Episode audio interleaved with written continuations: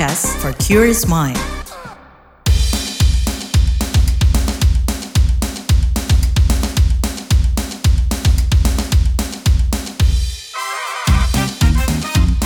What's Trending KBR Pagi, siaran pagi radio paling update. KBR Pagi, siaran pagi radio paling update. Selamat pagi, apa kabar kalian semuanya di hari Selasa 12 September 2023. Kembali lagi saya Don Brady menjadi teman pagi hari kalian semuanya di What's Trending KBR Pagi pastinya. Nah, jadi kepulan asap dari si jago merah di kawasan wisata Taman Nasional Bromo, Tengger, Semeru atau TNBTS, khususnya Bukit Teletabis mewarnai kolom pemberitaan dan perbincangan netizen plus 62. Bahkan ada momen tornado api yang viral di tengah kebakaran Bromo. Selama lima hari api berkobar, pemadam belum juga berhasil menjinakkan si jago merah. Sampai-sampai pemerintah Provinsi Jawa Timur harus mengerahkan helikopter waterbombing demi memadamkan api. Nah yang juga jadi sorotan netizen plus 62 dari peristiwa ini adalah penyebabnya. Dikabarkan ada pasangan yang melakukan pemotretan prewedding di Bukit Teletabis, Gunung Bromo.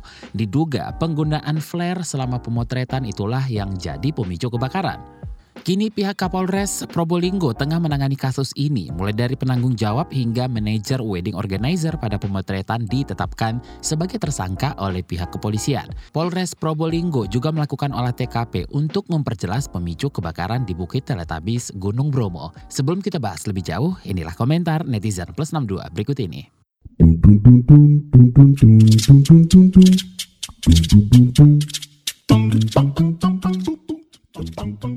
Ke komentar at FatXX Gunung Bromo ditutup total akibat flare prewedding. Lalu komentar at IzraXX kadang bencana besar jadi hanya sebab satu keputusan kurang bijak manusia. Contohnya nih hutan dekat Bromo Indonesia sekarang tengah terbakar sebab sekumpulan kecil manusia guna flare untuk ambil gambar prewedding. Lanjut ke komentar at PJMXX. Gue masih nggak habis pikir sih sama orang yang bikin priwet dan punya ide pakai flare di Bromo terus hasilnya kayak gitu. Mereka bukan cuma ngerusak alam Bromo tapi juga nutup mata pencaharian warga lokal karena sekarang Bromo ditutup dari arah mana pun. Egoisnya manusia. Lalu lanjut ke komentar at PVXX. Kemarin mau ke Dieng gagal gegara ditutup. Eh masa sekarang mau ke Bromo juga gagal sih? Dan terakhir komentar at Fikri XX. Bayangin deh ada orang nabung dari jauh-jauh hari niatnya mau liburan ke Bromo, udah ngajuin cuti, beli tiket pesawat, penginapan, udah bayar tour guide dan itu cuma one day one night doang, tapi gagal gara-gara orang priwet.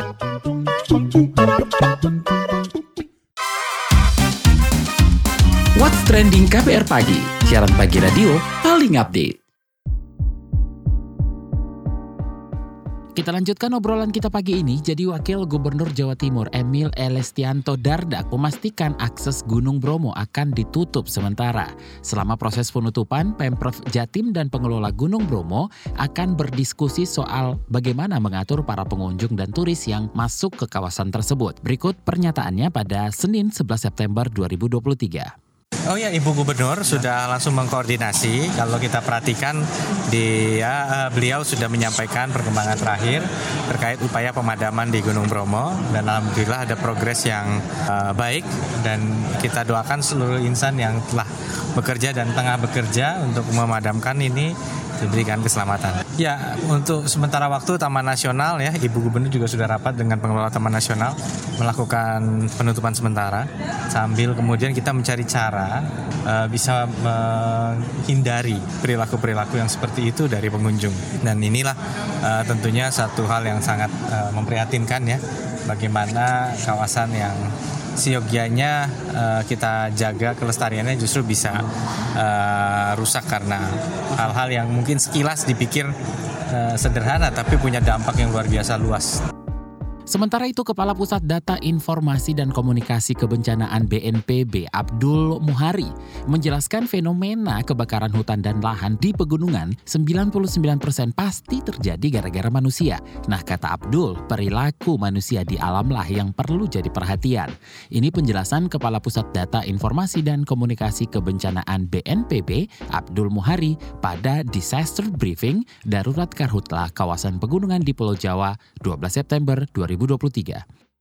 Tingginya frekuensi kebakaran hutan itu bukan disebabkan oleh El Nino, bukan disebabkan oleh kemarau. 99,9 persen saya bisa bilang itu ulah manusia. Pemicu penyebab itu pasti manusia, hmm. karena Kalau musim kemarau ini nggak ada petir, jadi nggak ada tuh misalkan itu bisa terjadi gesekan akibat petir Iya, musim iya. kemarau itu nggak ada petir. Petir Iya. itu ada kalau musim hujan. Kalau ada awan mau hujan itu ada petir biasa. Tapi kalau musim kemarau itu nggak ada petir. Tapi kalau misalkan ada api pada saat kemarau, kalau untuk di pemukiman itu rata-rata akibat pembakaran sampah yang tidak dikontrol, pembersihan lahan, kemudian dikumpulkan, dibuat api untuk Iya. menghabiskan sampah. Tapi begitu itu ditinggal, tidak dikontrol, dia kemudian menyebar. Cepat sekali menyebar karena semak, daun-daun segala macam sekarang sangat kering. Nah, ini juga yang terjadi di pegunungan. Begitu ada kelalaian, keteledoran, baik itu dari siapa pun itu, apakah puntung rokok atau kemudian uh, menggunakan mantik api untuk foto dan lain-lain atau ketika beraktivitas outdoor di kawasan gunung kita memasak meninggalkan api yang mungkin masih hidup terus kita kemudian pergi dan hal-hal seperti ini yang sebenarnya menjadi penyebab Newsbeat. Bantuan-bantuan dari sejumlah negara di dunia mulai berdatangan ke Maroko. Bantuan diberikan lantaran Maroko terkena gempa bermagnitudo 6,8. Gempa itu berhasil meluluh lantahkan Maroko dan mengakibatkan ribuan nyawa melayang. Salah satu negara yang sudah mengirimkan bantuan adalah Israel. Sedangkan Amerika Serikat, Joe Biden melalui pejabat AS sudah menawarkan bantuan kepada Maroko. Beberapa negara juga bekerja sama dengan pihak Maroko untuk memastikan keamanan warga negaranya setelah terjadi gempa tak berasal dari sel telur, sperma, dan rahim. Ilmuwan asal Israel tengah mengembangkan embrio buatan dari laboratorium. Para peneliti dari The Weizmann Institute of Science mengungkapkan embrio manusia ditumbuhkan melalui sel punca, di mana mereka mengeklaim pelepasan hormon yang sesuai mampu membuat tes kehamilan berubah jadi positif. Ini dilatari embrio yang dikembangkan serupa dengan karakteristik embrio berusia 14 hari. Jadi embrio buatan sudah memiliki plasenta, kantung kuning telur dan jaringan penting lainnya. Pasangan Aston Kutcher dan Mila Kunis menyampaikan permintaan maaf kepada halayak ramai soal kontroversi surat dukungan terhadap Danny Masterson di persidangan pemerkosaan. Aston menegaskan mereka diminta keluarga Danny menuliskan surat karakter berdasarkan apa yang mereka ketahui soal pelaku selama ini. Mila mengatakan mereka tidak pernah mendukung atau meminta keringanan hukuman terhadap Danny. Mereka hanya menjelaskan karakter pelaku dan berharap itu dapat membantu jalannya persidangan. Mila menegaskan dirinya selalu mendukung korban kekerasan seksual dari dulu, sekarang hingga masa yang akan datang.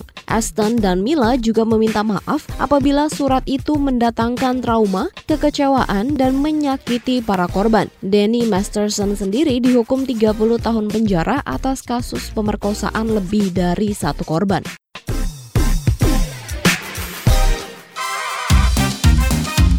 What's Trending KPR Pagi, siaran pagi radio paling update.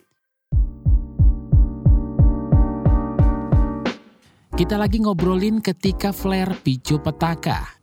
Lantas, berapa besar dampak peristiwa ini pada sektor wisata dan masyarakat setempat? Yuk kita obrolin bareng pengamat pariwisata sekaligus Ketua Genpi Nasional Siti Kodijah. Mbak, belakangan kan ramai ya soal foto prewedding pakai flare yang mengakibatkan kebakaran di Gunung Bromo hingga akhirnya semua jalur wisata ditutup total. Gimana pendapatnya? Baik, yang pertama kami menyayangkan juga terkait dengan kejadian tersebut dan turut prihatin. Ini kesekian kalinya yang terjadi bukan hanya di Gunung Bromo dan kebetulan memang kali ini terjadi di Gunung Bromo. Kalau kami lihat kenapa hal ini bisa terjadi, eh, tentu ini menjadi koreksi kita bersama dan memang ada kelalaian yang dilakukan oleh oknum yang begitu.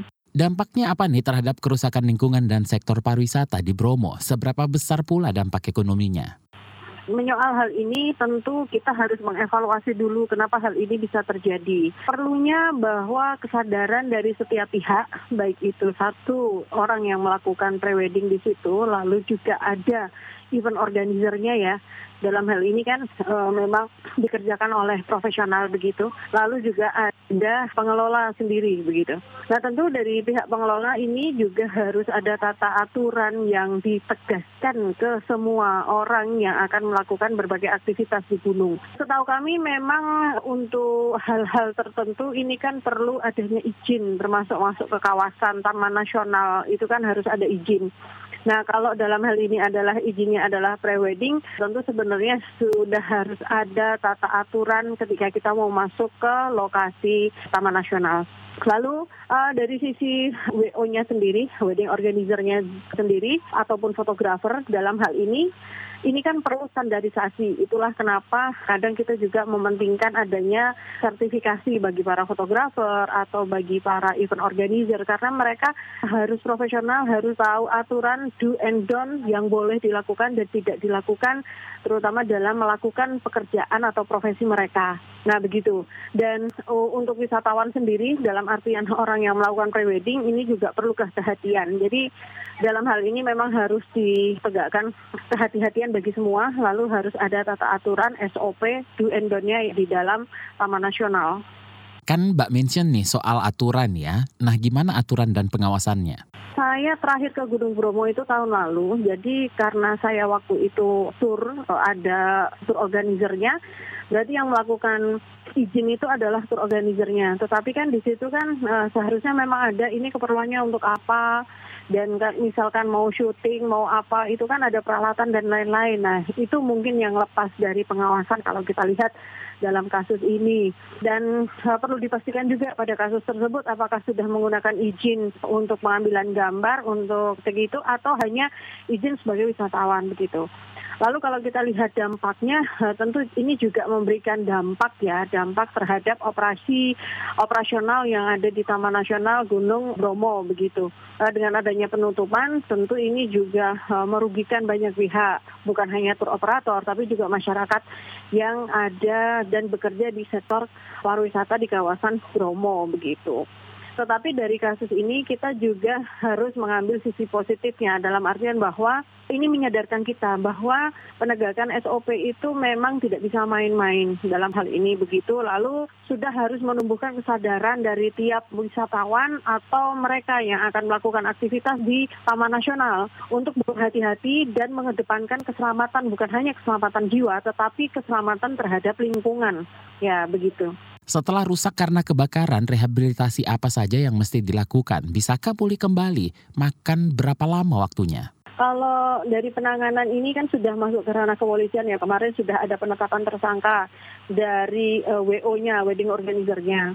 Nah, terkait dengan revitalisasi yang nanti dilakukan, ibaratnya kita buang puntung rokok aja di mana pun saat ini bisa nyala gitu. Apalagi di gunung yang banyak semak, banyak tumbuhan kering. Kalau revitalisasi ya kita tidak tahu uh, akan seberapa lama karena kajian dampak, luasan dan sebagainya ini belum ada update terkininya.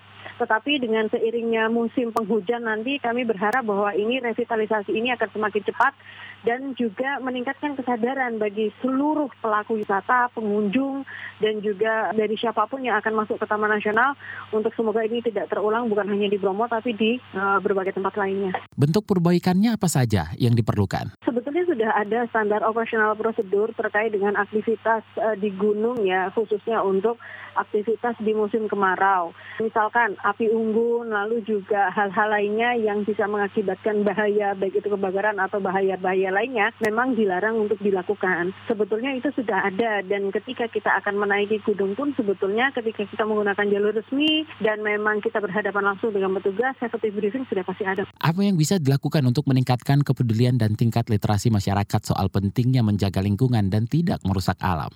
Jadi memang butuh edukasi karena tidak semua wisatawan ini juga memiliki uh, wawasan yang cukup terkait dengan bagaimana harus menjaga sustainability khususnya juga lingkungan. Dan kami mengharapkan partisipasi dari semua pihak terutama juga pengelola lalu juga para pelaku wisata untuk jangan lelah untuk mengedukasi wisatawan atau masyarakat yang memang beraktivitas di sekitar Taman Nasional bukan hanya di Bromo tetapi di seluruh Taman Nasional kita gitu. Perlu diketahui juga juga bahwa kekayaan alam ini juga perlu dilestarikan bukan hanya untuk kegiatan pariwisata, tetapi juga ini adalah keragaman hayati yang memang menjadi kekayaan yang tidak tergantikan di Indonesia. Terima kasih Ketua Genpi Nasional Siti Kodijah.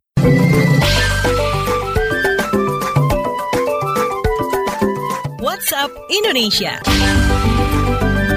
WhatsApp Indonesia, kita mulai dari prakiraan cuaca. Badan Meteorologi, Klimatologi, dan Geofisika BMKG mengungkap prediksi datangnya hujan di Indonesia. Secara umum, BMKG mengatakan hujan akan datang terlambat. Kemungkinan hujan baru mulai terjadi pada November 2023. Sedangkan puncak musim hujan diprediksi terjadi sekitar Januari hingga Februari 2023. Kepala BMKG Dwi Korita Karnawati menjabarkan awal musim hujan ditandai dengan peralihan angin timuran menjadi angin baratan. Nah, angin timuran ini diperkirakan masih aktif hingga November 2023. Mulainya musim hujan akan lebih dulu dialami sebagian besar daerah Aceh, Sumatera Utara, Riau, dan Sumatera Barat, lalu disusul Sumatera Tengah dan Selatan, baru ke Kalimantan dan Pulau Jawa. Selanjutnya menuju Bali.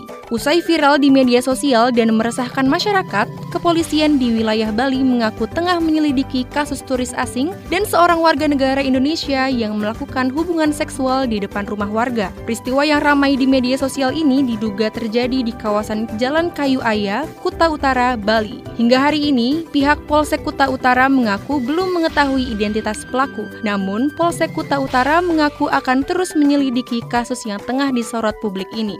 Terakhir mampir Bondowoso, Jawa Timur. Ijen Geopark resmi jadi bagian dari UNESCO Global Geopark setelah dikukuhkan pada konferensi internasional ke-10 UGG. Piagam penetapan Global Geoparks Network diserahkan langsung Presiden Global Geopark Network. Menanggapi hal ini, Bupati Banyuwangi Ipuk Fiestian Dani menganggap ini sebagai awal membangun potensi daerah ke ranah internasional. Kata Ipuk, masuknya ijen Geopark ke jaringan Global Geopark akan meningkatkan perhatian publik internasional ke Ijen Geopark. Apalagi forum ini dihadiri lebih dari 1.200 ilmuwan dan pegiat geopark dari 50 negara. Demikian WhatsApp Indonesia hari ini.